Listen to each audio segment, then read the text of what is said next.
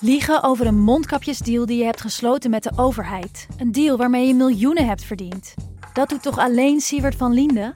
Nou, nee. Ik ben Felicia Alberding en in de Mondkapjesmiljonairs duik ik met een team van correspondenten in andere schandalen. Want wist je dat Siewert helemaal niet uniek is? Luister de Mondkapjesmiljonairs in je Podimo-app. Of ga naar podimo.nl slash mondkapjes. En probeer Podimo 30 dagen. podimo.nl slash mondkapjes. Dit programma wordt mede mogelijk gemaakt door Toto.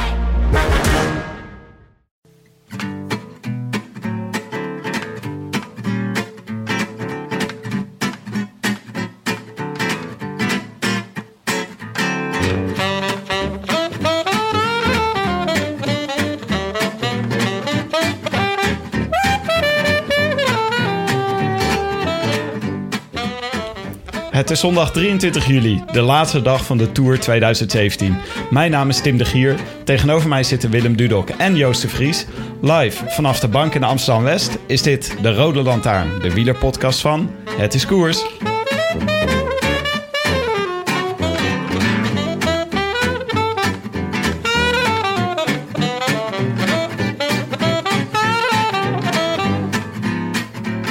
Vandaag ging de gebruikelijke ceremoniële rit door Parijs. Er werden champagnetjes gedronken op de fietsen, werd gezwaaid en geknuffeld met de familie Offredo. Maar het enige echt interessante in de laatste rit is de sprint op de Champs-Élysées. Wij durfden hem van tevoren eigenlijk niet op te schrijven en hij kwam, zo leek het, ook nog veel te vroeg aan kop. Tot onze grote vreugde hield hij het vol en om zijn vriendin na afloop te citeren... Hij is 24 en hij wint op de Champs-Élysées. Hoe dan? De winnaar van vandaag uit de rivierenbuurt in Amsterdam, Dylan Groenewegen. En dan moet hij gaan rijden. Dan moet hij nu gaan sprinten. Groenewegen kunt. Groenewegen is de snelste man van allemaal normaal gesproken. Maar kan hij dat ook volhouden tot op de streep? Of komt daar Boasson nog naast? Komt Boasson er nog naast? Of is het toch Dylan Groenewegen? Het lijkt Dylan Groenewegen te worden. Kijken of Dylan Groenewegen het wordt. Het is de oh! Is het Dylan Groenewegen of André Kruipel? Ik denk dat het Groenewegen is. Net voor André Kruipel. Wat een sprint zeg. I wish I could be in the south of France. In the south of France, sitting right next to you. Joost, welkom. Dankjewel, Leuk, Tim. leuk dat je er eindelijk Fijn bent. er eindelijk te zijn. We hebben al, eh, al eh, ongeveer twee seizoenen lang zeggen we elke keer... Joost, je moet echt eens langskomen in de Rode Lantaarn. Ik volg het wielrennen steeds beter. Ik denk, elke keer moet ik als totale expert aan tafel zitten. Maar ik ben heel blij dat nu dan na drie tours ik inmiddels een keer hier mag zijn. Ja, Het is toch een beetje de Champs-Élysées onder de wielerprogramma's, hè? ongelooflijk. Ook nog in de laatste nog- etappe. laatste etappe. Dat voelt wel heel erg eh, glamorous, voelt het. Ja. moet het geel thuis brengen, veilig. Maar, maar om je even netjes te introduceren... je bent natuurlijk redacteur van de Groene Amsterdammer... gevierd schrijver, wielerkenner. Wat, eh, wat doe je precies bij de Groene? Even voor de duidelijkheid. En voor de duidelijkheid, ik ben eh, boekenredacteur. Dus ik ga over het, eh, literaire katern van de Groene, alle besprekingen. Ik schrijf zelf over 101 dingen, vooral cultuur, eh, internet, media, eh, noem maar op. Net als Tim eigenlijk. Net als Tim. Jeetje. Eigenlijk een soort Tim ben ik. boekenredacteuren. Prachtig Ja. beroep. Ja, een soort Tim ben ik, maar dan van de Groene. Oké. Maar jij bent daarnaast ook zelfschrijver. Ik ben zelf ook zelfschrijver, Ik, ja. heb, ik, heb, eh, ik, ik geloof dat ik al je boeken gelezen heb, Joost. Ik zag ze allemaal hier in de kast staan. Daar ben ik wel heel blij om. Ja, Ja. daar staan ze netjes Ja. naast elkaar. En Ik, hoor, er, ik komt hoorde een er- gerucht dat je, dat je net klaar bent met je nieuwe boek. Ah, dat is een goed gerucht. Goed, goed geïnformeerde bronnen. Ik heb net mijn nieuwe boek af. Ja, dus dat verschijnt half oktober. Gefeliciteerd. Dankjewel. Dat is toch altijd echt een heugelijk moment. Dat, dat is, eh, ik, ben, ik heb het vorige week zaterdag afgemaakt. Ja. En sindsdien heb ik alleen maar op de bank gelegen en de tour gekeken. En eh, toch een soort van mentaal en fysiek instorten. Dat je werkt zo lang aan een soort spanningsboog. En dan heb je die klaar. En dan, ah, dan ga je echt helemaal door het ijs. Dan ga je echt helemaal... eh, ben je echt opgebrand. Was het een Ja. zware bevalling dit keer? Ja, dat is een zware bevalling, ja. Ik heb er lang aan gewerkt. En eh, ehm, ja, het was gewoon het was echt weer een flinke klus. Mag je al zeggen hoe het heet? Ja, natuurlijk, maar het heet Oude Meesters. Oude meesters. Oude Mooi. Meesters. Vinokourov. Moet ik meteen aan denken. was, Om het, maar eh, even een bruggetje maken naar de Tour. was het onhandig of was het handig dat je precies tijdens de Tour de France Perfect, dat is perfect je boek moest Want Ik, afmaken? ik heb zelf, ik kan 's ochtends schrijven en ik kan 's avonds schrijven. En smiddags heb ik geen concentratie. Dus wat dat betreft was het echt perfect. Dus ik kon gewoon echt alle... Dat heb ik gedaan ook. Het is echt een lange, de lange doodzaaie etappes... waarvan je zeker weet dat het een sprint wordt. En ze gaan alleen maar door het Noord-Franse platteland. Heb ik allemaal zitten Dat is kijken. de beste concentratie De hè, die je kan hebben. concentratie inderdaad, ja. Hey, toen, jij, eh, toen, toen Willem hoorde dat jij hier zou zijn, toen zei hij... Oh, er is één vraag die ik altijd al aan Joost de Vries had willen stellen. Ja. ja, stel als je een dag een dier zou kunnen zijn, eh, Joost.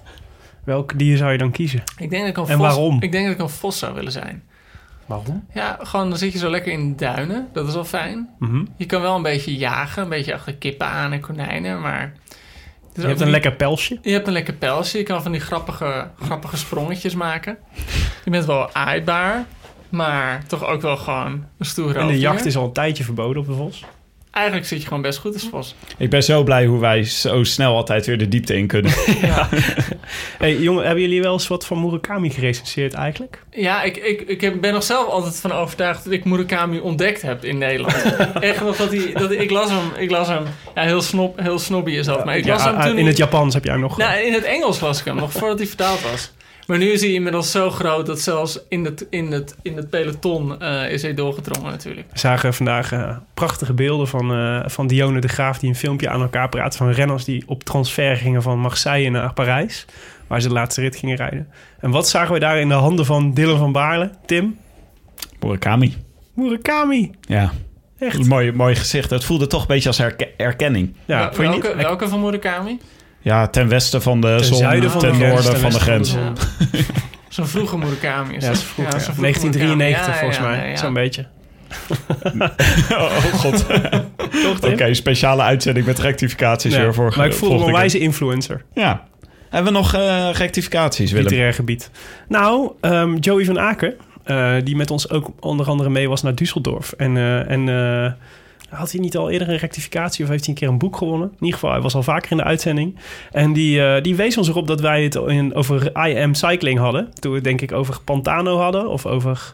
eh, nee, over die andere. Matthias Frank Ja, hadden we het. over de transfers. Ja, en toen zei hij, ja, maar je zegt helemaal niet I Am Cycling. Het is, het is Jam Cycling. Jam. Oké. En dus hebben we eigenlijk de hele vorige tour verkeerd gezegd. Ja, het is een rectificatie voor, voor het hele seizoen. Ja. Voor het hele En de ploeg seizoen. bestaat niet meer. Dus we hebben er ook, eh, nou ja, goed. We kunnen er niemand meer mee kwetsen. We hebben ontzettend veel te bespreken. Nou. Eh, daar kunnen we wel een natje bij gebruiken. Joost, heb jij iets meegenomen? Ik heb een natje meegenomen. Je moet me eerst, eerst moest je me uitleggen wat je bedoelt met een natje. Ik dacht dat het, dat het een soort van drugsterm was of zo. Iets raars wilde. Maar het bleek gewoon om drank te gaan. Of, en, en ik dacht, ja, we, we fietsen naar Parijs toe. Dan kan je eigenlijk alleen maar champagne drinken. Dus ik heb een, eh, een champagne meegenomen, een Tettinger. En ehm, ik kan hem proberen open te maken. Maar Ja, doe is maar. altijd een van de engste dingen die er is. Ja. En waar drinken we op? Zolang, zolang je maar niet eh, deze kant op richt. Ik stel voor dat we drinken op eh, Team Jotto, Lumbo, Ja, nee, Campina, Vivit, Pro met de vleugje mint. Ik stel voor dat we drinken op de vriendin van Dylan Groenewegen. Oh ja.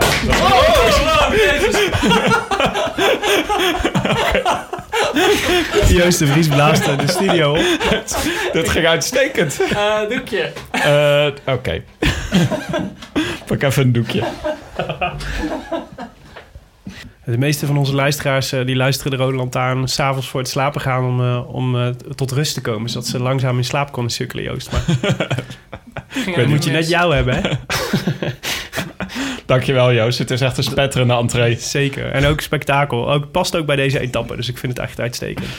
Laten we het over de koers hebben. Ik dacht, eh, misschien moeten we het vandaag zo doen. We gaan het even kort over de etappe van vandaag hebben. En natuurlijk uitgebreid stilstaan bij de sprint. En daarna gaan we door, bij, gaan we door over eh, de hele Tour. En maken we net als vorig jaar lijstjes Ja. met alles. Ja. Dus laten we beginnen bij het begin vandaag. De etappe van Montgeron naar Paris-Champs-Élysées. Ja. Eh, het is eigenlijk een beetje een... eh, Gaat het weer, Joost? Ja, ik eh, moest even herstellen. maar ik heb hier wel champagne voor. Nou, te gek. Dankjewel. Heerlijk. Nou, jongens, cheers. Op eh, Parijs. En de vriendin van Dylan.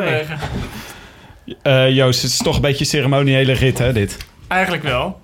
Ehm, Kijk je me altijd? Ik kijk hem altijd. Ja.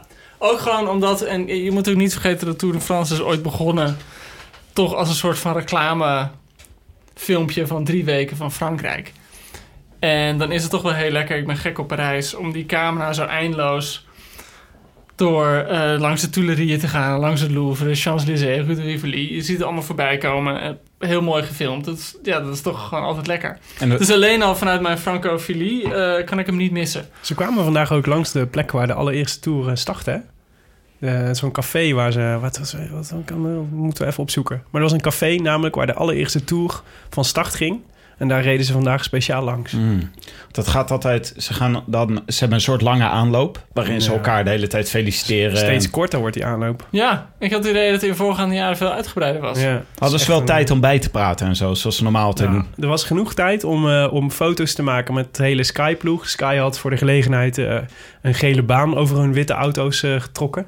Zoals ze eh, voorgaande jaren ook al zo'n die prachtige nieuwe dingen hadden gedaan. Alle, alle truidragers hadden een eh, speciale fiets. Dus, eh, dus Warren Barguil reed op een witte, witte fiets met rode balletjes. En Matthews op een groene. En, en Froome op een gele, uiteraard. Je wist niet waar je moest kijken, kortom.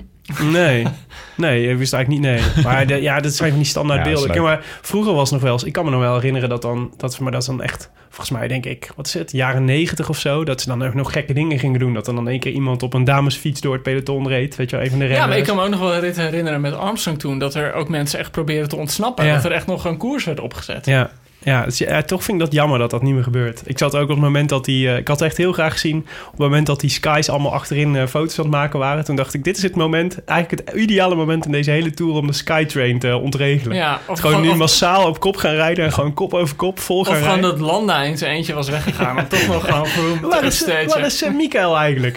Maar ja, vaak als, eh, Staat vaak, niet op de foto. vaak als ze dan eh, over, over deze etappe praten, dan zeggen ze... eh, ja, het hoort erbij, weet je wel. Het hoort ceremonieel te zijn. Dit is traditie. En, maar ja, eigenlijk slaat dat natuurlijk nergens op. Want het is voor, ook voor Parijs en voor de Tour veel Mhm. beter... als het een spectaculaire finish in Parijs Maar is jongens, eh, ik bedoel, zeven of het is het twaalf rondjes over de Champs-Élysées vind ik ook best spectaculair. Ik Ja, bedoel, het is Zeker niet als zo het een dat beetje ze, regent. Ik bedoel, ze rijden met 60 per uur over, over die steentjes. Eh vind ik ook altijd wel spannend. Ja. Vandaag dus een beetje in de regen. Maar je weet, je weet wel waar het op uitdraait. Nee, het is oké, maar ja. zo hoog zelden dat het niet een, een massasprint wordt. Ja. En eh, het was nu wel echt alle... Nou ja, er was niemand volgens mij meer met echte macht om nog iets te doen. In de, zelfs Tony Martin, die Ja, kwam, kwam ja. niet los. Ja, zullen we even de... Ik denk dat het belangrijkste moment is natuurlijk de sprint. Ja, we moeten vandaag. denk ik eh, twee kilometer voor het einde misschien beginnen, toch? Ja. Ja. ja, wij zaten... Jij stond op dat moment schreeuwend voor de tv, Willem. Ja, dat duurde nog iets langer. Maar dus het, het veld, dus het was natuurlijk het sprintersveld was aardig uitgedund, hè, voorafgaand aan de. Het is wel belangrijk om te weten. Dus Kittel was naar huis, De Mare was naar huis. Dat zijn eigenlijk eh, Sagan, is naar Sagan, huis. ja. Het is eigenlijk de, de, in ieder geval de twee beste sprinters van de Tour. En de, degene die ook eh, mee had kunnen doen op de Champs-Élysées. Sagan was er ook niet.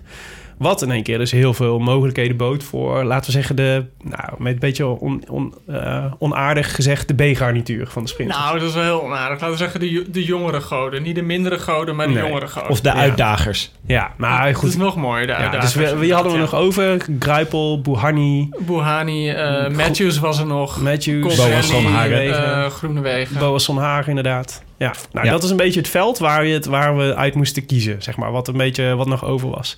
En wat we gisteren al zeiden, of zeiden we gisteren, woensdag volgens mij, wanneer hadden we? Donderdag, de laatste uitzending. Dat natuurlijk met het uitvallen van Kittel, ehm ofwel ja, van Kittel, de, de kansen van Groenewegen natuurlijk wel echt explosief gestegen waren in, eh, voor, om op de Champs-Élysées te winnen. Zeker.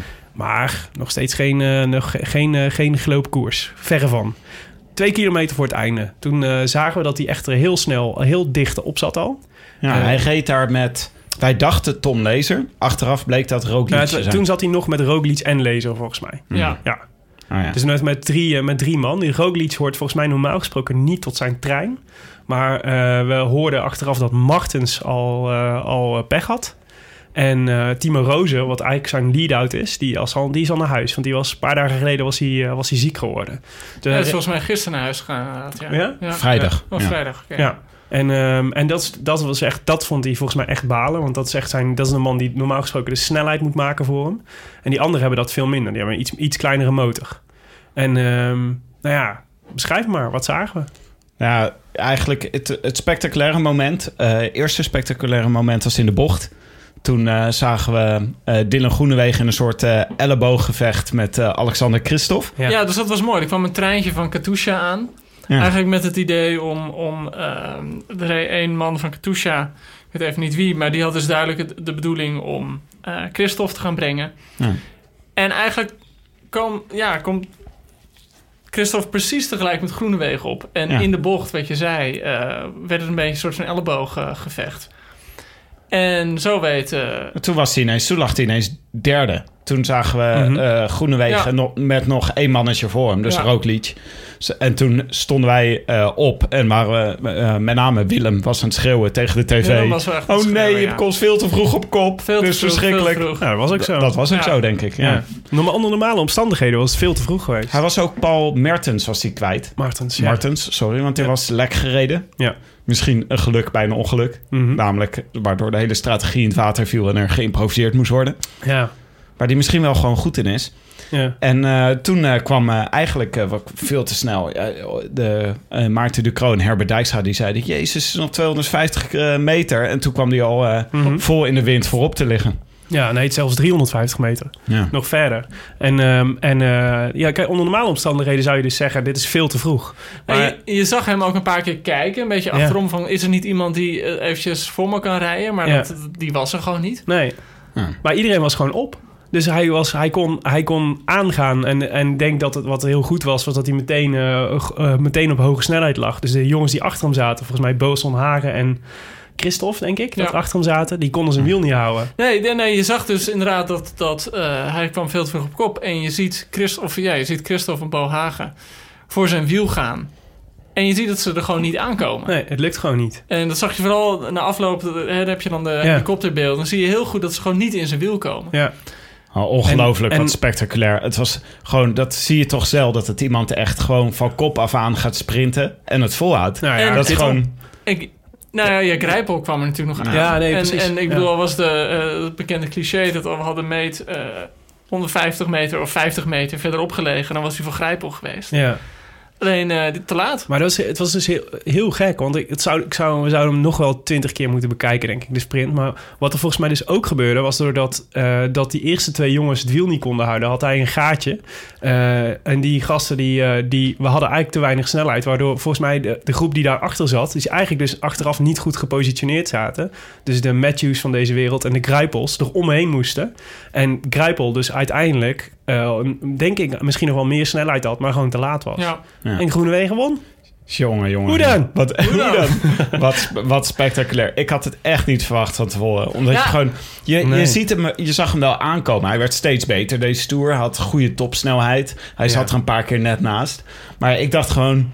Ik dacht eerlijk gezegd ook een beetje... Lotto Jumbo heeft een beetje het ongeluk, eh, het ongeluk eh, tegen de hele tijd. Ja. En daardoor zal het wel niet goed komen. Hij kwam ook op het verkeerde moment vooraan te zitten. Dus Ja, toen dat- had dat ik het eigenlijk al mooi. Ik denk dat opgegeven. als je van tevoren eh, een top 3 zou moeten samenstellen wie hem kan winnen, dan had je denk ik Groenewegen best wel genoemd. Alleen, gewoon zoals de koers verliep en zoals die laatste kilometers verliep, was het Mhm. gewoon een enorme verrassing. Omdat ja, als je op 350 meter vol in de wind rijdt, dan verwacht je niet dat je dat haalt. Nee, Dus dat maakt niet het als je echt... grijpel achter Nee, je niet als je grijpel achter je hebt. En, en, eh, Hij leek zelf ook verrast. Hij, Ja. was, hij, hij juichte ook eerst een beetje zo van... wat is mij nou Ja. overkomen? En Ja. pas daarna kwam er, kwam er vreugde los. En toen... Maar we hadden het- Hij was helemaal... Hij was zo kapot was hij werkelijk. Ja.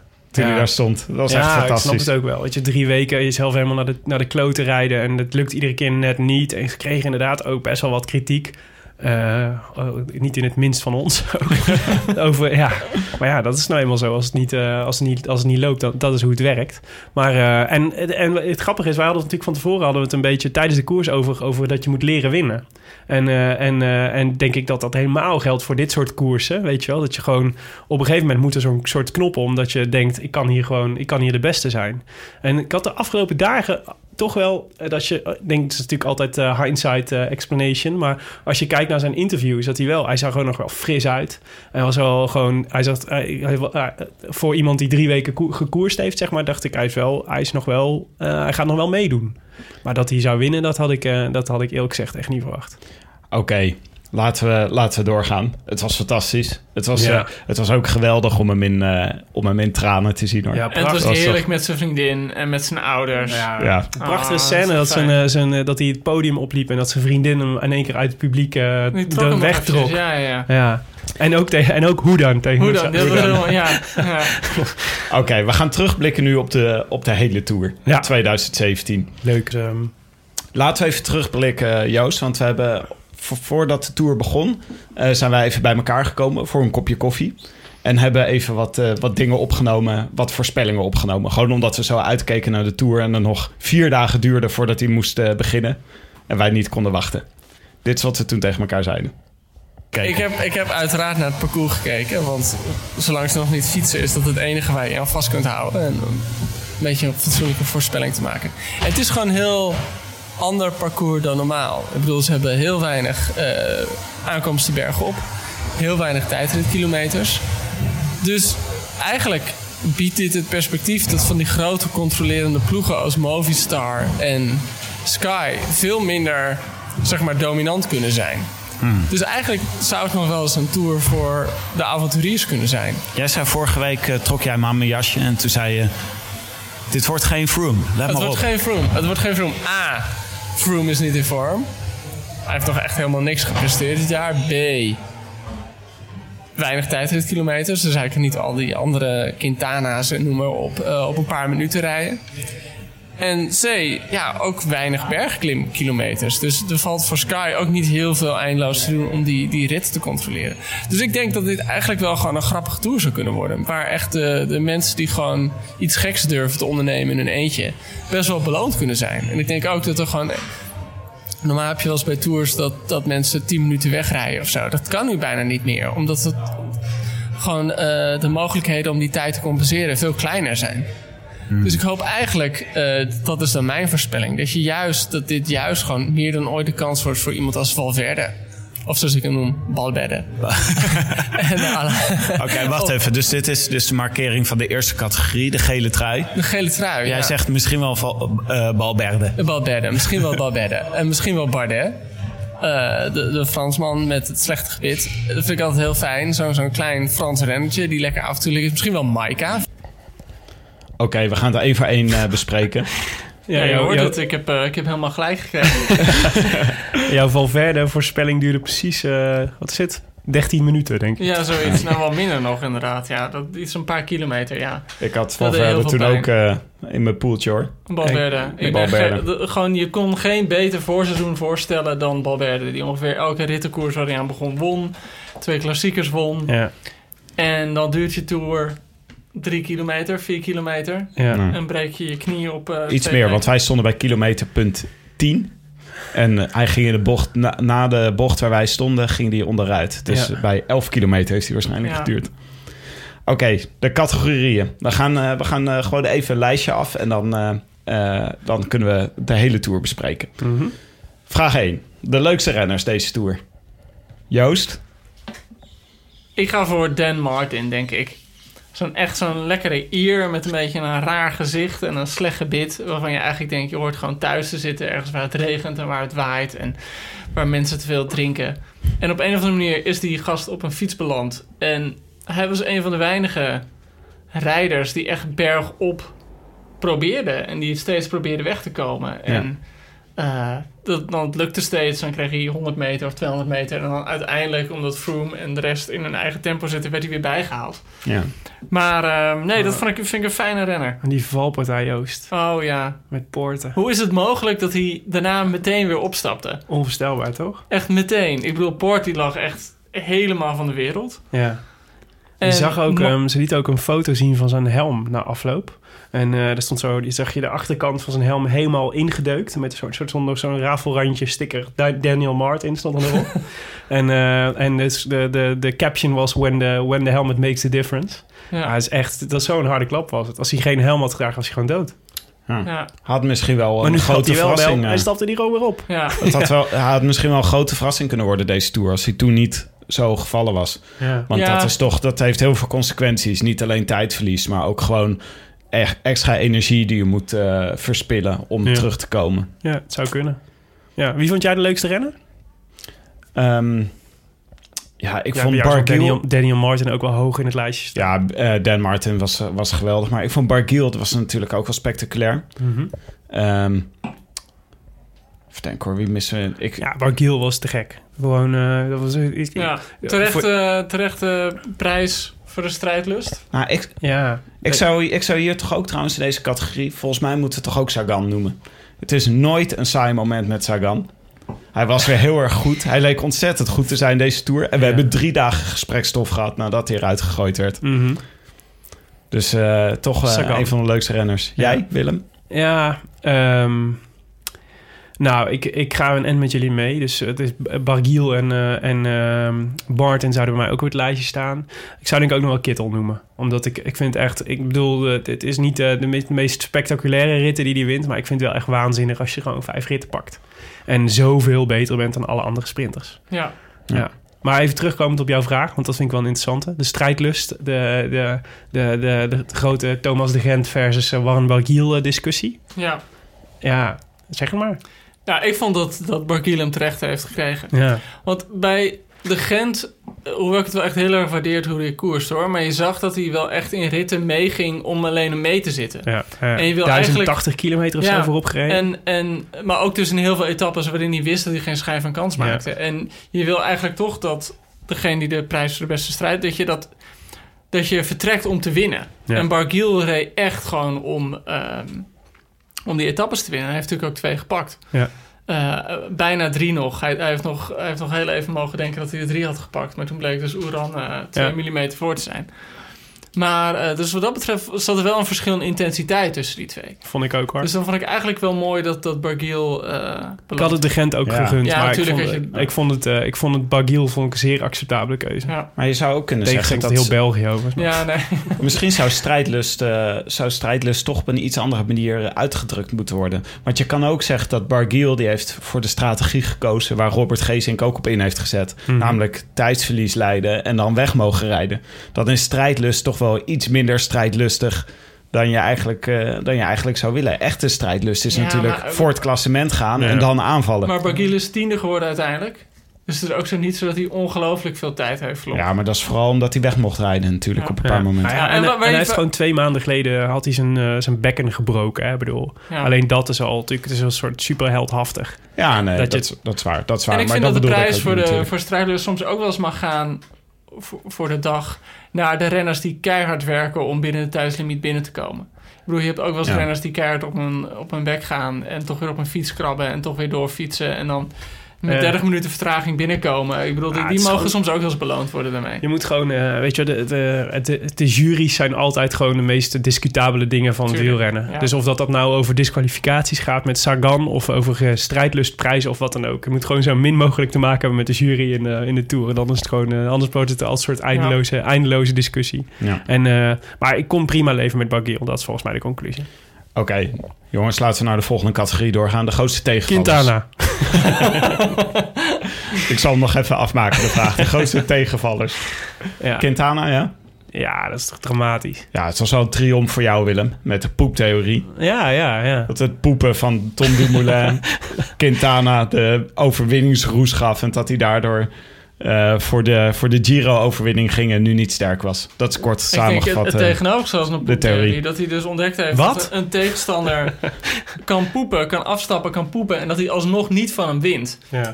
Daar word je eindeloos door je familie mee gepest, lijkt me. Dat is gewoon bij, bij elk, als zou mij dat overkomen, dan echt bij elk Sinterklaas gedichtje zou dat terugkomen. ja. Eh, dus, dus misschien dat. Maar Quintana viel natuurlijk enorm tegen. Die heeft echt. eh, ja, eigenlijk niets laten. Ik bedoel, er waren nog wel Nee. slechte rennen hoor. Pantana heb, Pantano heb ik ook nul keer gezien. Chavez heb ik ook nul Ja, keer Ch- gezien. Chavez inderdaad ook. Ik bedoel, ik moest echt. Chavez kwam hier ook voor het klassement, hè? Ja, hoe kan dat? Wat is Ja. er dan gebeurd? En eh, ja, Boehani, ook ongelooflijk slecht. ja. Ja, ik heb in ieder geval één keer eh, in de hoofdrol gezien. ja, nee, maar dit, nee, Quinta, ja, Quintana gewoon opgebrand, toch? Ja. Ja. Contador, tegenvaller. Ja, maar mindere tegenvallen, omdat je eigenlijk met alle respect, weet je wel, dan worden die vooruitblikken gemaakt op alle sites. En dan Ja. noemt iedereen Contador wel in de top 5. Uit een soort van respect van in het verleden bewezen diensten. Maar ja, niemand verwachtte hier toch dat hij het podium zou halen, Of dat hij nog zou, echt zou gaan winnen, al Ja. helemaal niet. Nee, Ehm, nee dat denk ik een hele fijne man van Ah, je eh, wist ergens niet- achter in de 50. Maar eh, Nee, dat is Quintana. Ah, dat is Quintana, Quintana is ja. 51. Maar je wist niet zo goed van tevoren dat Contador... die ging nu voor het eerst sinds jaren weer alles inzetten op de Tour. En niet naar de Giro of naar Ja. de Vuelta erbij. Dat het gewoon echt de Tour was dit jaar zijn, zijn doel. Ja. En daarom wist je niet zeker. Het had wel gekund. En ik vond dat hij ook bij Vlagen heel erg goed reed. Hij zakte er alleen een paar keer doorheen. Zoals, Mhm. Zoals hij eigenlijk de laatste jaren wel vaker Ja. Erbij ik kwam een paar keer inderdaad met vroeg mee. En, en het, zeg maar, het, het voorste groepje eindigen. Maar ja, Blijft mijn favoriet hoor, trouwens, Contador. Blijf Ja. het ontzettend leuk vinden dat hij meerijdt. Ik hoop dat hij nog een jaar doorgaat. Ja. Misschien gaat hij wel gewoon nu nog één, één seizoen nog een keer voor een Spaanse ploeg rijden. En dan nog een keer naar de Tour. Ja, hij wil heel graag bij Steven de Jong blijven. Echt waar? Ja. Zijn dat vrienden? Ja, ja mogen elkaar heel graag. Dus ik denk dat hij wel... Hij zal, wel- hij, ik denk hij zal volgend jaar vast nog wel eh, de Vuelta rijden of zo. Dat, ja, zal, zoiets. Ik denk dat het zijn laatste dat is een mooie, het zou een mooi afscheid zijn. Nog meer tegenvallers? Astana. Astana. De strategie van Astana. Ja, nou, ze hadden ook wel pech, hè. Zoals, dus op het moment dat Aru in het geel kwam en een kans ging maken... dat eh, zowel Cataldo als Vogelsang eigenlijk in de kreukels lagen. En, ehm, en eh, toen bleef er weinig over van die ploeg. En dan is Aru is gewoon is nog, is nog niet goed genoeg, denk ik. Of gewoon niet goed genoeg om zoiets alleen te kunnen dragen. Zeker niet als je tegen een overmacht van Skyrunners zit. Maar op het moment dat hij die gele trui pakte, toen dacht ik: oh wacht, dit, dit is iemand die gewoon die trui eh, misschien wel naar Parijs kan brengen. Hij Ja. reed toen heel goed. Ja, En toen halverwege die tweede week, dan zie je dat lichtje toch langzaam uitgaan. ja, ja. Ja. En, en dat is natuurlijk uiteindelijk de Tour. En, en ik weet dat het een cliché is dat de weg naar Parijs heel lang is. Maar het, het is een sport die uiteindelijk over drie weken wordt gewonnen. Maar En heel veel mensen zeggen ook van... ja, eigenlijk is het niet heel stom dat, ehm, dat Matthews nu eh, de groene trui heeft... terwijl Kittel zoveel beter was. Ik, ja, maar Kittel is het niet gelukt om drie weken vol te houden. Ja. kwam niet de berg over. Nee. Nee, dat is waar hoor. Nee, en ehm, nee, nee, nee, nee, nee, daar heb je gelijk in. En eh, misschien toch moeten, misschien moeten we hem hier ook noemen. Robert Geesink. Als de grootste tegenvaller van deze tour? Ja. Ja, maar Die wat waren eh, de verwachtingen van Geesink ja, dan? Hij zou moeilijk. misschien voor, hij zou niet echt voor het klassement gaan. Hij zou Etappes. ja. ritten kapen, wordt hij dan gezegd. Voor- Dat volgens mij niet heel veel in zijn leven heeft gedaan. Maar goed, daar zou hij voor gaan. En hij wordt tweede in een hele mooie rit. En de rit erop ligt hij eh, binnen, wat is het, 30 kilometer op de grond. En eh, moet nu maandenlang een soort rugbrace dragen. Ja. ja.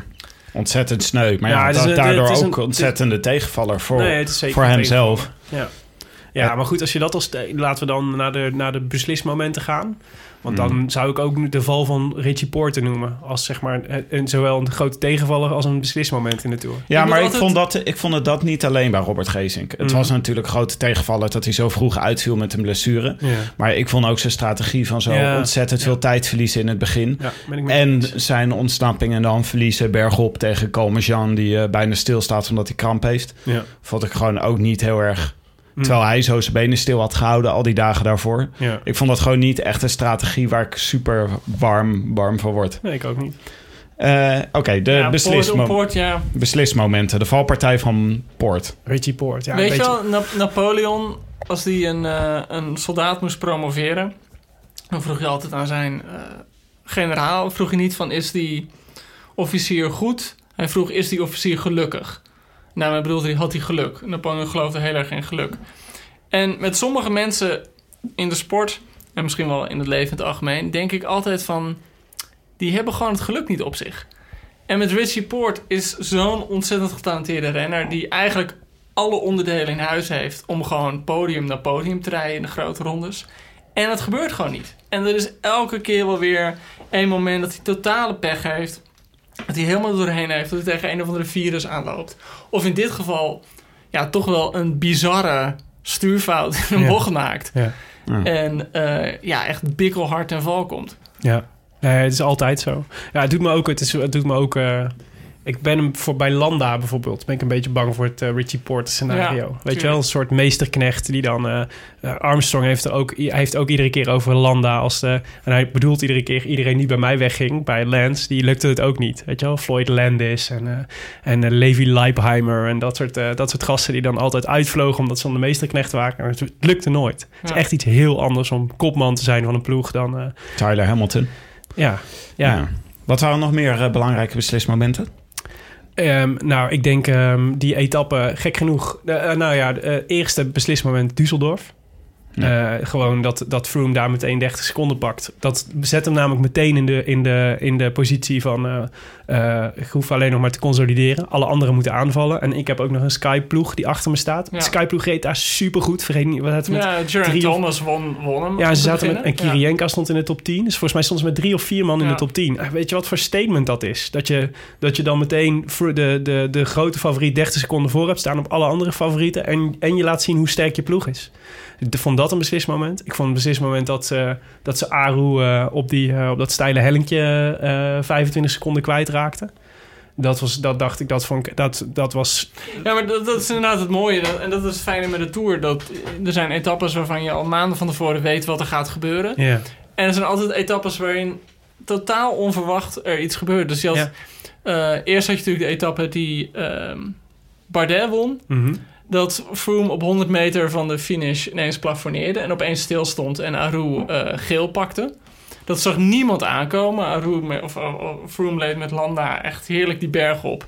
En je dacht van nou, het is een formaliteit. En opeens zat hij stil. En inderdaad die andere etappe die... eh, waar Aru zijn gele trui kwijtraakte. ja. Dat zie je ook totaal niet aankomen. Ik bedoel, het was niet eens in beeld gebracht dat Nee. Aru stilstond. Ik Nee. bedoel, zozeer waar de camera's gingen er niet van uit dat dat zou gebeuren.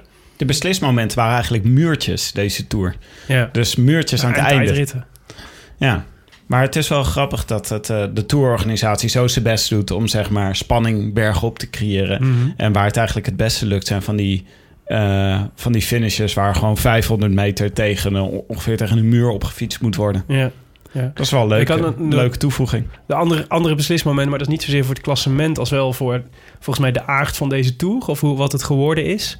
Is, nou, we noemden Poorten al, maar als je kijkt naar het rijtje eh, abandons van dit jaar, dat is echt shocking.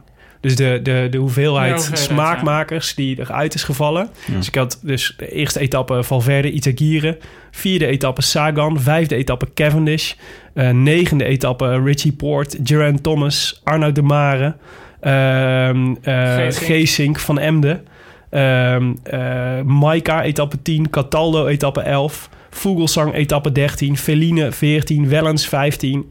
eh, Bennett en Gilbert in 16. Het zijn namen, jongen, die Ik daar... vind het wel leuk dat je Jos van Emden in dit rijtje. Ja, nou, omdat hij de tijdrit misschien Ja. goed had Ja, kunnen ja, doen. voor- Nee, maar, denk maar- het niet dat is toch, ik bedoel, ik weet nog, ik weet Tim dat we nu jouw lijstje aan het doen zijn. Maar al kijk je terug op de tour van dit jaar, blijf je toch, ik in ieder geval, met een enorm gevoel zitten van het had ook heel anders Ja, kunnen zijn. exact dat. En op een bepaalde manier, weet je, je leeft maanden, leef je toe naar een wedstrijd. En die wedstrijd komt er uiteindelijk gewoon niet echt. Nee. Ik bedoel, dat- hè, nooit zeggen, ja, dat is ook de Tour. Maar natuurlijk gewoon met, met, bijvoorbeeld met Balberde, met eh, Van Mobistar. Mobistar. en, en al die renners die uitvallen, heb je ook het idee van, ja, heeft Froome nou... Ja, is dit nu de ultieme overwinning? Het voelt een beetje, misschien een beetje negatief, maar het voelt toch een beetje als een kleine overwinning aan. Ja. ja, ook omdat hij geen etappezege had. Ja, en ik bedoel, is- ik bedoel, als we het even over Froome hebben. Ik bedoel, hij heeft eh, geen etappe-overwinning gepakt, ook niet in de tijdritten. Nee. Hij heeft eigenlijk geen één keer eh, de rest heel erg gelost, bergop. Nee. Eh, dus het voelt inderdaad, hij heeft met een minuut voorsprong, een kleine minuut gewonnen. Ja, dat waren de tijdritkilometers. Ja, ik denk dat het ook echt een tour was waarin de, de tegenstanders van Froome zich stuk beten op Team Sky. Dat er dus een heleboel, zoals Sport, die echt roekeloos de berg afging en een stuurfout maakte, Mhm. dat dat ook een gevolg is van de dominantie van Sky. En eh, Bardet die stil komt te staan in zijn tijdrit, dat, Ja. dat, dat is daar ook een gevolg van. Ze dagen hem wel uit, maar op het moment dat ze hem uitdagen, dan sneuvelen ze. Ja. En dat is deze tour denk ik ook een paar keer, eh, een paar keer gebeurd.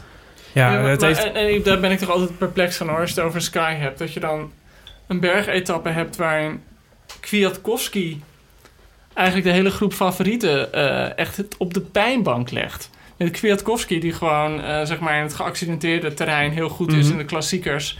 Maar eigenlijk natuurlijk niet echt voor de grote rondes bedoeld is of de hoge bergen. En dan opeens Dat was die geweldig, hè? ongelooflijk. Ja. ja. On- Ik denk, ik denk goed gereden. Iedereen heeft over Landa als de, de, beste, de beste renner van de Tour. Maar ik vond Kwiatkowski voor, voor, voor Sky minstens zo waardevol. Hoor. Ja. En ehm, beste trucs deze tour? Ja, ik, Trucs. Ja, trucs. Strategische Nou, vondsten. Ik vond... Ja, ja, ja, ga je gang. Ja, ik vond in de etappe van vrijdag naar Salon du Provence... daar hou ik, hou ik zo ongelooflijk van. Acht man rijden op de finish af. Ze gaan door de straten van Salon du Provence. komt een rotonde en je kan hem linksom nemen en je kan hem rechtsom nemen. En Boos van Hagen neemt hem rechtsom, de rest neemt hem linksom. En hij pakt gewoon 20 meter en ze kunnen er niet meer bij komen. Ben ik toch altijd gewoon, ja, ik bedoel, dat, dat is het mooie van... Ba was ziedend, hè, na Ja. afloop. Die zei, dit is, dit is, dit is, hier heb je een proefleider voor, zei hij. ja, Die moet je dit vertellen. ja, oh ja, oh, en, eh, en, ja. eh, en er zijn nog een aantal anderen ook. Dus eh, Thomas de Gent zei dat hij dus niet goed gehoord had. Zei ja, ik had, ik had meegekregen alles, alles links pakken. Alles linksom, alles linksom, alles linksom. En zei ja, achteraf eh, zei, hadden ze één keer gezegd... behalve die moet je rechtsom. ja. die Ja, had misschien wat lastig om dat te onthouden, inderdaad. Maar dat is wel het verschil, eh, Ja. vind ik wel. eh, dat is dus de ploegleider van Boos van Hagen. Zei hij ook na afloop. Die hem gewoon had gezegd... je moet deze rechts, rechtsom nemen. Ja, En dat, was, dat is toch onvoorstelbaar? Ja, Dat ik, vind dus het, ik vind de verantwoordelijkheid van een renner ook eigenlijk hoor. maar Wat is nou belachelijk dat je ploegleider dat moet zeggen? Ja, maar die vind- toch niet voor niks in die wagen? Om, Ja, om met, het, met het routeboek te, te kijken hoe ziet de finale Ja. eruit. Laten we die even doorspreken. Ja, maar ik vind dat je het gewoon allebei moet weten. Je gaat toch gewoon goed kijken. Als, ik mee, Ja, als je, maar- als je maar- met ontcirkelt omdat je mee wil met Ja, eh, Tim- ontsnapping, ja maar die dan moet je toch zit in de weten. koers en je bent al 200 kilometer op weg. En dat is de derde week van de Tour. en er zijn acht rotondes, achter elkaar. en je bent keihard aan het trappen. En het zijn acht rotondes achter elkaar. Je weet echt niet meer of je nou bij de zesde of de zevende bent. Hmm. Dan is het wel heel lekker als iemand in de auto zit met het routeboek. Ik bedoel, daar heb je die oortjes voor. Om te zeggen, hé, hey, weet je wat? Deze moet je rechts pakken Ja. en gaan. Ja. Ik weet niet of je het in het routeboek ziet. Ik denk eigenlijk dat je hem... Wat, eh, wat ze heel vaak doen is van tevoren bekijken met Google Street View. Ja. En dat zijn de momenten dat je dit soort dingen... echt de nuance van dit soort dingen Ja. goed kan zien. Ja. Maar het was natuurlijk wel... iedereen in die groep had dit gewoon moeten weten. Ja, ja. En aan de andere kant kan je ook zeggen... briljant dat ze het zo uitvoeren. Wat waren nog meer, eh, wat waren nog meer trucs? Want je had er ook een, Willem. Volgens mij zit je op het puntje van Nou, nee, stoel. ik had deze ook eigenlijk. Want Hmm. ik vond dit inderdaad ik vond dit schitterend. En ehm zoals, ja, wat zullen we nog meer wat, noemen? wat vonden jullie van... eh, Nou, mag van ik, de- mag ik de, dus de, dus de, dat is dan niet misschien een truc, maar ik was, werd wel heel warm van eh Wanty in de eerste week. Dus Ja, het lijkt al ja, heel lang lekker. geleden. Maar ik vond het heel cool dat zij gewoon, dat zij gewoon eh, eigenlijk de enige ploeg waren die iets deden, of iets probeerden tegenover, eh, om tegenover Kittel te zetten. We gaan gewoon tegen beter weten in, omdat we 1% of 2% kans hebben, gaan we gewoon, eh, gaan we gewoon eh, elke e- zorgen dat we elke etappe bij zitten in de vlucht. Eh, en ik denk. Ehm, dat heeft ze volgens mij superveel goodwill opgeleverd. In ieder geval ook bij mij. En, eh, en eh, ze hebben gewoon heel lang in beeld gereden ook. Dus ik denk Ja. dat eh, de sponsor heel tevreden was daarmee met die strategie. Waarschijnlijk krijgen ze volgend jaar dan weer een uitnodiging Ja, om mee te doen. Ja, want ze zijn ook nog met negen man gefinished, hè? Super Dat is knap. waar? Oké, Ja. ja, dat is een zeldzaamheid. Ja, is echt, is echt heel knap. Mag ik nog eentje noemen? Want die zijn we, gisteren won die en daar was ik heel blij mee. Botnag. Want die had dus die ene vlucht die bijna geslaagd was. Op, op wat is het, 70 meter na of zo. Ja, oh ja. Dat vond ik ook echt een, eh, echt een, eh, echt een truc. Ja. Ik vond, eh, ik vond een mooie truc, vond ik ook, waar ik zelf in stonk, was eh, eh, de demarrage van Landa aan de laatste bergrit. Ja, Dat eh, toen Landa ging en eh, Maarten de Kroon Herbert Dijkstra rolden van enthousiasme bijna van hun stoel af. En die zeiden, wow, dit is de ultieme vadermoord. Precies zoals Froome dat zelf ook gedaan heeft. En ik, had, ik kon niet meer helder nadenken. Ik wilde gewoon zo graag een eh, aanval zien. Dat ik het ook even geloofde. 15 seconden. En toen, eh, toen bleek dat Froome gewoon had gezegd tegen hem... ga maar kijken of je de etappe kan winnen. En eh, ga maar even de tegenstanders testen. ja, En toen kwam Froome even later zelf. ja. Ik, Ja. vond, ik vond dat Sagan ook een mooie truc had. Dat, Kevin is dus... dat- was een toptruc. Ja. Ja, nou, geen last meer gehad van Cavendish daarna. Nee. Ehm, wat zien we liever niet meer terug in de komende Tour de France? Nou, dubieuze jurybeslissingen. Ja. Maar ze- door het gaan op jouw Sagan... eh hij vond ik echt een schande Ik wat ook. daar gebeurde. ja. En, eh en eh, bedoel, eh, ja, we hebben, toen, we hebben er toen drie afleveringen bij stilgestaan, volgens mij. Ja. Maar ik vind nog steeds eh, de, de overtreding daar door de Mare begaan. En, eh, en, eh, de, zeg maar de, de, dus de, en, de, en Sagan had gewoon keurig in de, in de Tour moeten blijven. Nou, wat ik daar nog zo'n heel eh, naar gevoel aan overhoud... is dat de, de jury binnen een kwartier de eerste beslissing maakte om hem terug te zetten... en daarna binnen een half uur om hem uit toer te nemen. Terwijl als je gewoon een paar uur de tijd had genomen... met elkaar over had gepraat... en je had de beeldjes gewoon één voor één terug kunnen zien... dan zie je dat Cavendish al valt. Dus eh, ja, dat... En je ziet als een jurylid, en sorry, dit is dan mijn interpretatie hoor... maar die wordt dan ge- geïnterviewd en die zie je eigenlijk er zo heel fier staan van... Kijk eens jongens, wij durven een dappere beslissing te nemen. Maar. Dat het een dappere beslissing is, maakt niet de juiste beslissing. Nee. Dus en, dat, ze, en ze hebben er echt, de tour, echt al een beetje mee op ja, zeep enorm. geholpen. Want ik bedoel, kijk je naar de voorgaande toeren, heeft Sagan zulke fijne dingen laten zien. En zulke mooie ontsnappingen. En ja, daar, daar doe je de... de Ja. ja. Het is geen reden om hem niet uit de Tour te halen, maar, maakt- het, was gewoon, niet- het was gewoon niet zijn Nee. schuld, de- wat er Nee. gebeurde.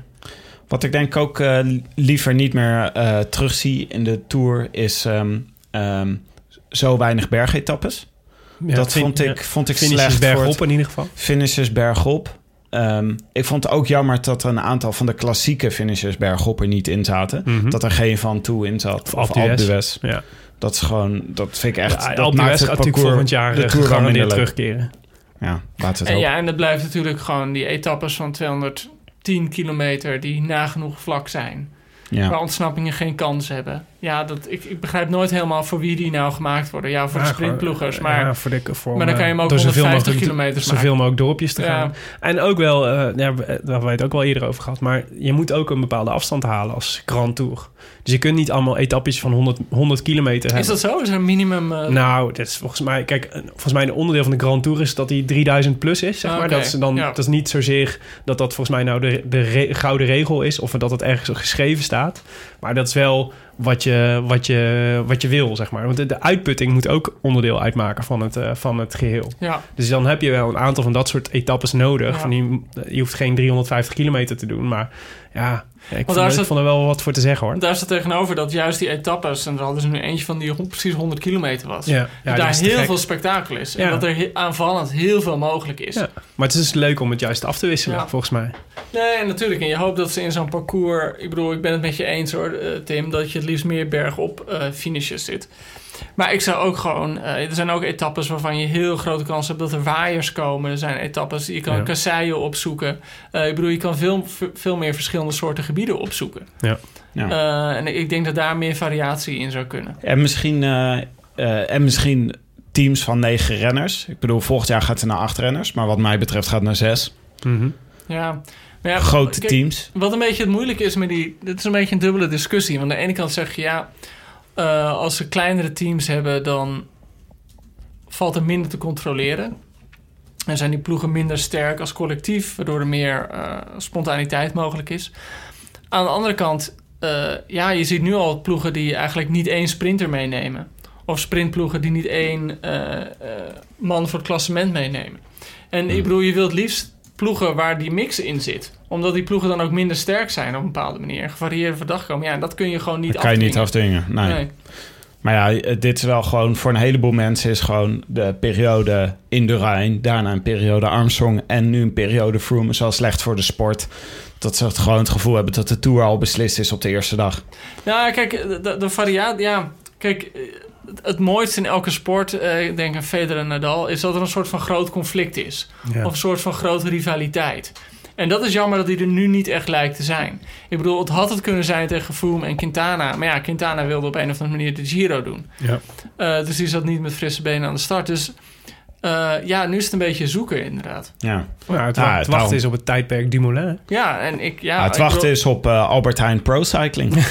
Dit is gewoon het moment voor een grote Nederlandse ook sponsor om in Albert te Heijn to go genoemd. Ja, Albert Heijn To Go Pro Cycling. Dit is gewoon het moment voor een Nederlandse sponsor om in het wielrennen te stappen. Nou ja, Dat is eh, echt zoveel- Campina, Tim. Je hebt je zin al gekregen. Nee, maar dat is niet wat ik bedoel. Gewoon serieus Je in wil gewoon een nieuwe stappen. Gewoon een echte nieuwe ploeg met een grote sponsor. En dan van het niveau Hmm. Team Sky of Katusha of BMC.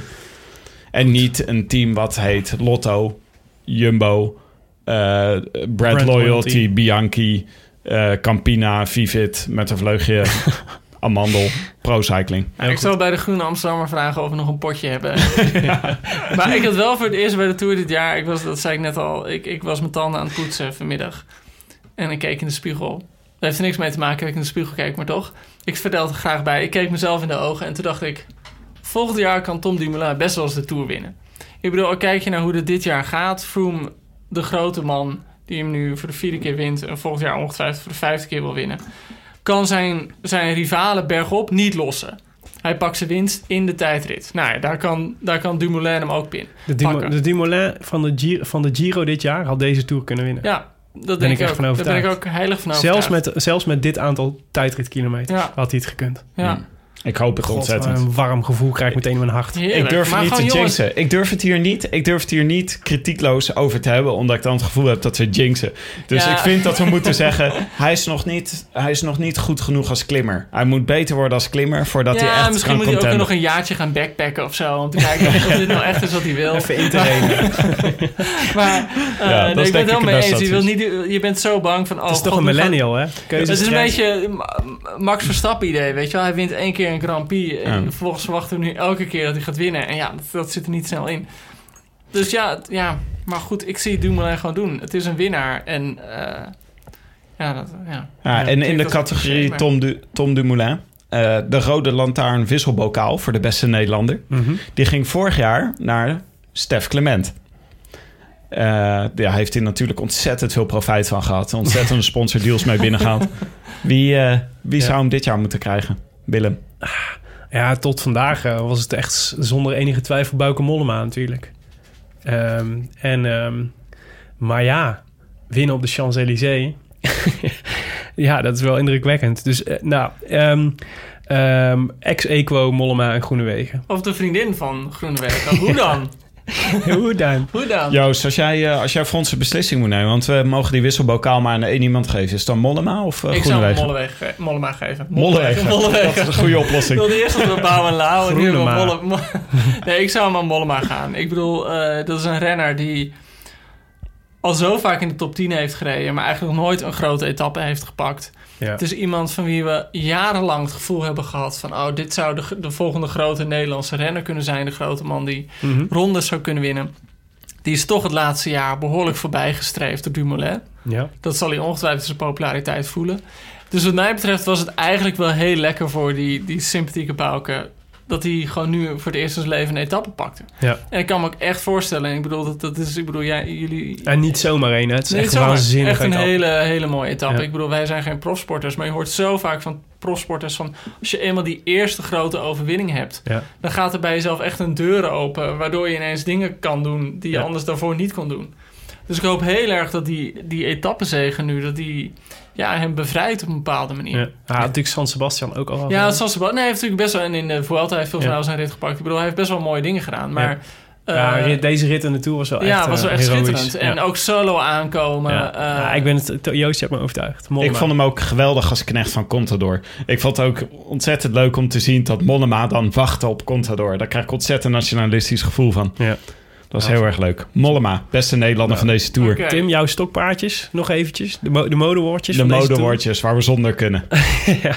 Ik zou graag mollemalen willen, eh, willen opwerpen. Oh god, Ja. Ja. van wie kwam die term ook weer? Ja, Thijs Zonneveld had hem Oh, geïntroduceerd. En, eh, en ik hoorde hem gisteren, Maarten Ducro, even, even eh, casual droppen in zijn, eh, in zijn verslag. En toen dacht ik, ah, toen kreeg ik al meteen zo'n cringe in mijn buik. Ja, je hebt Dit is erover nagedacht. Echt niet goed. Ja, maar weet je waarom ik, hem niet, waarom ik hem niet wil houden? Ik vind het sowieso niet leuk om dan de hele tijd over mollemalen te gaan hebben. Omdat het soort van afleidt van Bouke Mollema zelf. Maar wat het ook is, is dat het een soort eh, nadruk legt op de manier waarop Mollema fietst. Alsof dat iets zo ontzettend lelijks is... dat ze het de hele tijd over het lelijke fietsen van Mollema moeten hebben. Ja. Maar ik vind dat Mollema op een fantastische manier fietst. Ik vind dat hij geweldig gekoerst heeft deze, eh, deze Tour. En dat hij eh, enorm met zijn schouders schudt... en een beetje als eh Escartine kijkt. Nou, dat vind, ik geweldig, dat vind ik geweldig bijdragen aan zijn imago. Maar laten we daar niet de hele tijd de nadruk op leggen. Ik hou wel heel erg altijd... Ik vind Mollema altijd een van de fijnste renners voor net na de finish. Hij heeft altijd een hele soort van relaxe, bijna ironische houding. Alsof Ja, hij zelf ook wel, weet dat het eh. allemaal een beetje onzinnig is wat we aan het doen zijn. Ja, dat was Dat wel was- eh, pittig. Ja, was, ja nou, dat was wel pittig. Ja, nou ja. Ik ben wel blij weer, dat hij ja. dat, eh, dat kuchje is kwijtgeraakt. Hij had op een gegeven moment, als hij heel erg eh, inspanning had gedaan... dan kon hij bijna niet meer bijkomen van 1500 het hoesten. Ja, Ja, Ja. Hoezo 1500 meter zo kuchje? heet dat bij het schaatsen. Goed Zo zo, bij, Joost. ja, nee, bij het schaatsen heb je de 1500 meter kuchje. En dat heeft ermee te maken dat 1500 meter een afstand is... waarin je op je allerhardst moet schaatsen... maar eigenlijk net te lang is voor te sprinten. Waardoor je op een bepaalde manier moet ademhalen... waardoor je je luchtwegen irriteert en gaat kuchen. Oh, En dat is dus als je een steile bergklim hebt, dan heb je Ja. dat vaak hetzelfde. Omdat je dan de laatste, de laatste kilometer of anderhalve Ja. kilometer voluit gaat. Ja. En dan dus eigenlijk over je grenzen heen gaat en je, en je longblaasjes beschadigt. Haat het niet meer hè, bij deze overwinning. Bij deze Ja, overwinning kon hij gewoon zeggen, het was wel pittig. Een, andere over, een ander type overwinning dan, eh, dan Bergop. Dus ik, ik vermoed dat we nog niet af zijn van het eh 1500 meter kuchje van Bouke. Oké. Geen Het, eh, mollemalen meer. Geen mollemalen meer. Een andere uitdrukking waar ik graag vanaf wil, of een andere uh, mo modegril, is om de hele tijd uh, varianten te verzinnen van Landa zit er heel relaxed bij. Ja. Dat werd al honderd keer... Ja, hij zat er wel relaxed bij hoor, Tim. Hij zat er ontzettend relaxed bij. Hij, Maar- als, als hij keek alsof hij op vakantie was. Er is blijkbaar elke tour. Ik denk dat er een beraad is van de NOS voor de tour. Dat ze dan bij elkaar gaan zitten en dan uitdrukkingen gaan bedenken. Ja. Nou, of ze zullen het wel tijdens de tour doen. Want het is natuurlijk Landa, weet je niet van tevoren. Ja, ik denk dat ze met z'n allen bij de NOS bij elkaar zitten. En dan zegt Maarten Ducro, ik wil deze term. En dan heeft hij tekentafel, tekentafel wielrennen of het nieuwe wielrennen. En dan zegt de rest van de redactie, nou joh, laat maar, laten we het gewoon maar niet doen. En dan is die uitzending en dan, dan ruikt hij zijn kans. Dan gaat hij er toch voor. Ja, maar wat mij stoort aan dat soort... Het is meer dat, zeg maar, de, de soort van de gedachtenwereld die erachter zit. Dus zij maken, ze bouwen een soort van... Dat doen wij natuurlijk ook. En dat is natuurlijk ook deel van het de charme van het wielrennen. Maar zij bouwen een soort van theorie rondom Landa. Alsof, alsof het hem allemaal... Alsof, het super, alsof hij eigenlijk... Dat is eigenlijk de teneur van de hele, eh, van de hele NOS-verslaggeving. zeg maar, van Ducro en Dijkstra is... Landa is eigenlijk de allerbeste wielrenner in deze Tour. Maar hij Ja. mag niet omdat, Ja. Froome, eh, omdat hij afgesproken heeft... dat hij de knecht van Froome is. En dat is zo'n onvoorstelbaar hemeltergende onzin. Dan krijg je dus... En dat blijven ze dus elke dag herhalen. Waardoor ik elke dag zeg maar, mijn nagels eraf zit te bijten. Omdat ik denk, dit is nonsens. Echt een Maar totale dit is wel nonsens. echt precies waarom ik altijd van sportevenementen als de Tour hou. Of van de Olympische Spelen. Of van die evenementen die lekker lang duren. Dat er een soort van interne narratieve structuren ontstaan. En Ja. dat bepaalde, opeens worden bepaalde mensen heel erg... zijn ineens heel erg het slachtoffer. Of ineens zijn ze heel erg de schurk. En, en eh, ja, dat, dat is een beetje het spel van de media. Maar ze nemen dan zo'n afslag en dan gaan ze dan, dat blijf je dan gewoon op Ja. rijden. Oh, wat er ook gebeurt aan gebeurtenissen of wat dan ook die dat ontkrachten, dan toch blijft dat altijd gewoon het ding. En het, en het probleem is, dat is, vaak is het gewoon een verkeerd narratief. Ja, wat mij ook- eh, vaak is het een verkeerd narratief dat gewoon vaak ook in de etappe zelf nog wordt, eh, wordt onderuit gehaald. Ja. En wat mij opvalt is dat dus die commentatoren nooit tot de verantwoordelijkheid worden geroepen. ik vind eigenlijk, weet je, als Maurice de Hond, vind ik eh, ook. als Maurice de Hond zijn verkiezingsvoorspellingen helemaal verkeerd heeft. Nou, dat is een slecht voorbeeld, want Maurice de Hond heeft ze altijd verkeerd en wordt alsnog altijd uitgenodigd in de Wereldraad door. Maar ik bedoel, in principe, in principe, als je zulke verkeerde voorspellingen doet, dan mag je er best op uit aangesproken worden. En Ja. Dat geldt misschien wel voor... Ja, we zouden eh, gewoon, we, we moeten gewoon, Dijkstra. Ja, zeker. En heel veel van die analisten ook gewoon. Moeten gewoon na afloop van de tour moeten gewoon een soort van evaluatie maken. Met wie heeft, het, wie heeft wat goed gezien en die krijgt de volgende keer meer credits. Ja. Oh, dat En wilde dat- jij dat graag, dan- eh, dat dat wilde zo- jij graag gezegd hebben, Willem. Omdat jij Ik sinds kom er vandaag... deze tour best goed vanaf. ik vind toch dat ze gewoon inderdaad... De ze maken ongetwijfeld bij de, bij de NOS en bij Sportza... maken ze ongetwijfeld gewoon poeltjes met de medewerkers. En dan moeten ze gewoon doen dat de, de persoon die het best gescoord heeft met de poeltjes... het jaar erop het commentaar mag doen. Ja. Zodat het toch gewoon de, die Ja. ene stagiair Maar- die er toevallig was... dat die dan het jaar erop de hele week gewoon commentaar... of de hele tour commentaar mag leveren. Echt. We hebben nog één categorie. eh, renners voor de toekomst. Wie hebben we gezien deze tour die nog heel, heel grote meneren gaan worden? Ja, Froome kan toch wel heel groot worden. Ja, dat zie ik. Dacht, nou goed, na goed vier gezien? toeren gewonnen, denk ik ook wel. Wat ja, misschien is hij er klaar voor. Ja. Ehm, ja, Dylan Groenewegen. Dylan ik bedoel, Groenewegen. eh, ehm, eh, daar ik eh, ja, nee, als je op de Champs-Élysées kan winnen, dan kan je vaker winnen.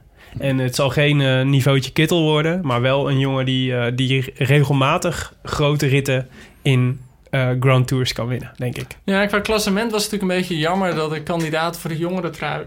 Yates en Mijntjes, Lodewijk Mijntjes, zoals ik hem altijd noem. eh, eh, dat die eigenlijk toch een beetje tegenvielen. Ik bedoel, Ja. ze hebben wel top Ja, 10 laat gehaald. staan maar, Boegman. Ja, Boegman. eh, Dat is helemaal ja, nergens. Latour eh, was niet Ja. echt te zien. En dat is toch wel jammer, want je hoopt heel erg dat er gewoon zo'n... zoals Bob Jongels het in het verleden gedaan heeft, of Quintana... Mhm. gewoon zo iemand die toch gewoon echt, zeg maar, de gevestigde orde aanvalt. En dat zat er nu niet echt bij. En dat, dat vond ik wel jammer. ik, zie, ik eh, ook, ik zie Dan Martin nog wel een keer podium rijden. Calm- Calme Jean vond ik Ja. een goede Oh, ja. Maar goed, eh, het, het wordt natuurlijk weer super benieuwd wat, wat leert de tourorganisatie van deze tour? En wat gaan ze volgend jaar weer anders doen? Want Ja. misschien zeggen ze wel, oh wacht, zo'n lekker vlak parcours. Ik denk dat ze niet heel veel anders gaan doen. Ik denk dat er komt een ploegentijdrit bij. Er zullen een paar eh, klassieke bergen weer bij komen. Maar Er gaat die zal, eh, ploegentijdrit dan ten koste van de gewone tijdrit? Ah. Ja, waarschijnlijk. Ja, Nee, waarschijnlijk extra bij deze. Want normaal zijn het wel drie tijdritten. ja maar ze zullen Dat niet heel toch veel extra beetje- tijdritkilometers doen. Want ze, ze- kijk, ze willen dat Bardet eh, de, de, Ja, de, de Bardet en. Pinot. nee, dat die- geloof ik niet. Ik geloof, ik wil, ik geloof niet eh, dat ze het parcours op Bardet hebben aangepast. Ik wel, denk wel dat ze denken, we willen afwisseling. Dus soms heb je een tour met heel veel finishes bergop. Mm. Nu hadden ze gedacht, nou, die finishes bergop... dat zorgt ervoor dat iedereen tot het laatste moment wachtte. We gaan nu met een aantal finishes bergaf gaan we doen. Ja. Ik denk dat dat de overwegingen zijn. Maar ik geloof niet eh, van het verhaal dat ze het parcours Bardet hebben aangepast. Nou, we zullen het in eh, september weten. Als we, dan komt het nieuwe, wordt het nieuwe parcours gepresenteerd. Ja, maar ik denk dat jullie gelijk hebben. Eh, en ik denk een extra tijdrit in de ploegtijdrit. En een Alpe d'Huez waarschijnlijk erbij. Mag ik nog één naam noemen? Die, de, de- die viel niet zo op deze tour, maar toch... Hij werd volgens mij twintigste of negentiende. Ties Benoot. Ja. Die, die, eh, Vijftiende, toch? Oh, nee, niet. Nee, gisteren stond hij vijftiende. Ja, voor de ik, sorry. eh, dat is natuurlijk zo'n jongen. Volgens mij in België gaat dat, is dat verhaal al. In België wordt elke renner wordt geboren als, eh als kasseivreter. Hè? En als, eh, als, je, als je België profrenner wil worden, dan word je gemaakt voor de Ronde van Vlaanderen. Ja. En Benoot is een jongen die in zijn eerste jaar volgens mij vijfde of zesde in de Ronde van Vlaanderen werd. Echt heel knap. Ja, dat, is, dat is gewoon, dat is echt. Dat, Dat is echt hele, dat hele seizoen was hij overal ready top 10. ja, En, en dat is volgens mij is dat zijn, eh, is ook een beetje zijn, de tragiek van die jongen geweest in de eerste jaren. Want daardoor is hij volgens mij veel meer klassieker geworden dan dat hij klassieke renner eh, gaan focussen dan op, zijn, op de Grand Tours. Terwijl eh, als je naar hem kijkt, hij is, gewoon, hij is echt, die jongen heeft alles in zich om een, om een goede ronderenner te worden. Dus de hoop van België gaat uh, Ties Benoot worden. Oké, een mooie. We Ja. schrijven hem op. Niet Oliver Nasens. Ja, Nee, Oliver ja, Nasens, daar de waren de klassiekers. Belgen waren er ook helemaal gek voor. Omdat hij zo hard voor Bardet gewerkt had. Ja. En dat hij in die ene etappe met dat korte klimmetje aan het einde... dat Bardet tegen hem gezegd hebben van... je hebt mijn leven gered. Nou, die Belgen die, die, die Ja. hielden daar niet over op. Ja. Ja, dat was Hey. geweldig. Laten we, laten we naar de Glazen Bol Cup gaan. De laatste Glazen Bol Cup van, eh, van eh, 2017. Ehm, ik had jullie gevraagd om, eh, want we hadden natuurlijk geen uitzending gisteren. Wie, eh, wie eh, tip je? Eh, Joost, jij noemde Boas van Haag. Tim, Ja. jij noemde Nairo. Ik heb Nou, de laatste, helemaal- ik heb de laatste eerlijk. vijf ritten heb ik Nairo Quintana voorspeld. Feitelijk had je, ik hoop er echt op. je had in eerste instantie Grijpel, maar die had ik ook al en daardoor ben je geswitcht van. eh, Daarna Quintana. ben ik geswitcht naar Boas van Quintana, En toen naar Quintana. ja. Maar, ik had Quintana ook gisteren en vrijdag. Even voor Nou de heb ik zelf altijd de, de theorie dat je nooit... eh, als je zo moet voorspellen, dan moet je nooit gokken op de persoon waarvan je hoopt dat hij wint. Nee. Kijk, ik bedoel, ik hoop natuurlijk dat Groenewegen wint. Maar als hij hem niet wint en mijn gok wint hem, dan ben Ja. ik blij. En als hij wel wint, ben ik Ja. ook blij. Dus Ja, dus we zijn allemaal dolgelukkig. zijn Ondanks dat we de glazen Cup niet goed hadden. Maar ehm, eh, een aantal anderen die meededen, vijf mensen liefst, hadden het wel goed. Ehm, en we hadden eigenlijk we hadden een speciale prijs, namelijk eh, het boek De Rode Lantaarn. Wat gaat over de, de Rode Lantaarn in de Tour. En dat is eh, dat. eh ehm, wat, eh, kun je niet even mijn boeken doen? Is dat, niet, is dat Wil je ook commercieel nog een voor boek, mij niet? wil je ook nog een boek weggeven? Nou, gewoon mijn eigen boek. Dat gewoon elk jaar gaan. Wij nemen volgend, heel veel met wielrennen volgend jaar nemen we jouw boek op als, eh, ja, als, eh, voor de prijswinnaars. Maar er waren dus een rijtje van vijf die, eh, die het goed hadden. Simon Hendriksen, Sander Hogendoorn, Wart Wijnolds, Andreas Willemsen en Gerard Rijkers. Joost, aan jou om, eh, om eh, te beslissen wie het boek De Rode Lantaarn krijgt. van Maar deze allemaal toch wel? Nee, eentje krijgt het Maar dit, zijn er vijf. Ja, Simon Hendriksen, Sander Hogendoorn, Wart En Wijnolds. nu moet ik er eentje gaan kiezen. Ja, zeg maar, noem maar een naam. Doe die Simon maar. Simon Hendricks. Simon Hendricks krijgt De Rode Lantaarn. Dankjewel, Maar- Joost. Oké. Laten we dan over ons hart strijken. En onze laatste vier exemplaren van Lucien. Het boek over de, de, de laatste Belg die de Tour won. Lucien van Impe. Geven aan, eh, aan de andere vier. Ah, mooi. Hè? Omdat we toch eh, ik dolgelukkig zijn. Ja, Dat is toch eh, een feestelijk einde. Precies. Allemaal een boek. En jij één. En jij één. Tim, dit was het. De Tour van 2017. De Rode Lantaarn, de dagelijkse podcast van Het is Koers. Gepresenteerd en geproduceerd door Willem Dudok en Tim de Gier. Vandaag eh, vergezeld door Joost de Vries. Joost, vond je het leuk? Ik vond het heel... Zijn jullie er niet bij de, de Vuelta? Of de- zoals ik graag zeg, de, de Vuelta. De Vuelta. Vuelta. Eh, dat weten we nog niet. Daar gaan we nog, eh, gaan we nog over delibereren. Ja, over zaakwaarnemeren. Eh, mede mogelijk gemaakt door hetskoers.nl, de wielerblog van Nederland en Vlaanderen... en Dag en Nacht Media, het Nederlandse podcastnetwerk. Wil je reageren? Dat kan via Twitter zijn we te bereiken via Willem en Tim de Gier. Eh, en Dag en Nacht Media of zo is het toch, Tim? Het Dag en Nacht Media, Ja. klopt. Ja, voor alle andere nieuws en analyse over het wielrennen verwijzen we u graag naar onze trouwe partner hetiskoers.nl. En voor andere fijne podcasts, bijvoorbeeld Ik ken iemand die van Nienke de Jong over opvoeden. Of Echt gebeurd van Micha Wertheim en Paulien Cornelissen naar dagenacht.nl. Dagenacht.media. Nu dagenacht.nl sinds afgelopen week. Oké. We Dag- wilden eerst voor dagenacht.media gaan, maar dat bleek een erg eh, exotische domeinnaam te zijn. Dus nu dagenacht.nl. Oké, Om al uw honger naar podcasts te stillen, dagenacht.nl. Er staat Ja. heel veel moois op. Morgen zijn we er niet, want de tour is klaar. Dus eh, het zwarte gat eh, staat, ons, eh, staat ons te wachten. Het zwarte gat is nakende, Tim. Ehm, ik weet nog niet wat we hierna gaan doen. We gaan ongetwijfeld door met de Rode Lantaarn in enige vorm. Ideeën en suggesties zijn zeer welkom. Kom maar door via Twitter. Het Willem Dudok, Tim de Gier. Ehm, misschien moeten we nog één keer proosten op Dylan Groenewegen, zijn vriendin en Lotto Jumbo. Eh, en ondertussen mm, misschien nog even noemen dat u zich eh, in, ah, in eh, voorbereiding op wat er nog komen gaat, u zichzelf kunt abonneren op eh, iTunes, op de Rode Lantaarn. Want dat is handig, dan krijg je de volgende aflevering namelijk gewoon automatisch in je podcastfeed. Mooi gezegd, Willem. Dat was een hele lange zin met heel veel komma's. Of, Moeiteloos. Hij is nog niet af, hè, de zin. Hij is nog niet af, jongens. We zijn nog steeds bezig. of, Ja. Eh, en of, je, moet een, eh, je kunt een, eh, ook een recensie achterlaten. Dat vinden we heel leuk. Er zijn een aantal mensen die dat de afgelopen week hebben gedaan en we worden iedere keer heel gelukkig van. Ja, Want het is er niet alleen leuk om te lezen, maar het helpt ook andere luisteraars om onze podcast te vinden. En hoe meer luistergezielen, hoe meer vreugd. Hè, Tim? Ja, Kun jij er eentje voorlezen? ja. We hadden vandaag een, we hadden een hele leuke van Knutmo. Knetmo. Die gaf ons vijf, vijf sterren. En noemde zijn recensie Het Tourgevoel. En hij schreef... Overdag is het warm in de bergen. Bijna te warm om te fietsen. Maar de bergen zijn er. En, en meer redenen om jezelf naar boven te harken heb je niet nodig. S'avonds bij de tent is er het houtkacheltje. Want op 1500 meter wordt het snel koud. Na een lokaal natje en een kop thee om warm te worden... fluistert mijn lief... Hij is er. En dan komt de allermooiste afsluiting van de dag. Samen in de slaapzak met de mobiel tussen ons in. De vertrouwde en warme stemmen van Willem en Tim. Die ons rechtstreeks vanaf de bank in Amsterdam-West alles duiden. De tour, het leven en zoveel meer. Was het maar altijd juli. Was er, waren, we maar el- waren we maar altijd in de Franse Alpen. Waren Willem en Tim er maar iedere avond. Oh mijn god. Jullie, Mooi? Dit is niet echt, toch? Is jullie literatuurcriticus hart, ze staan in vuur en vlam nu, denk ik. ongelooflijk. Ik heb hier niet voor betaald. En in de vechten blaft een hond. Prachtig. Jongens, ik heb nog één keer ingeschonken. Op Dylan Groenewegen zijn Dylan vriendin en Jotto Lumbo. En tour. natuurlijk Hoe dan? bij de Het was tour mijn, eh, het was me waar genoegen weer. op Dalida. Dalida. Buenos Au revoir. A biento. Buenas noches, mio amor. Bonne nuit, que Dieu te garde.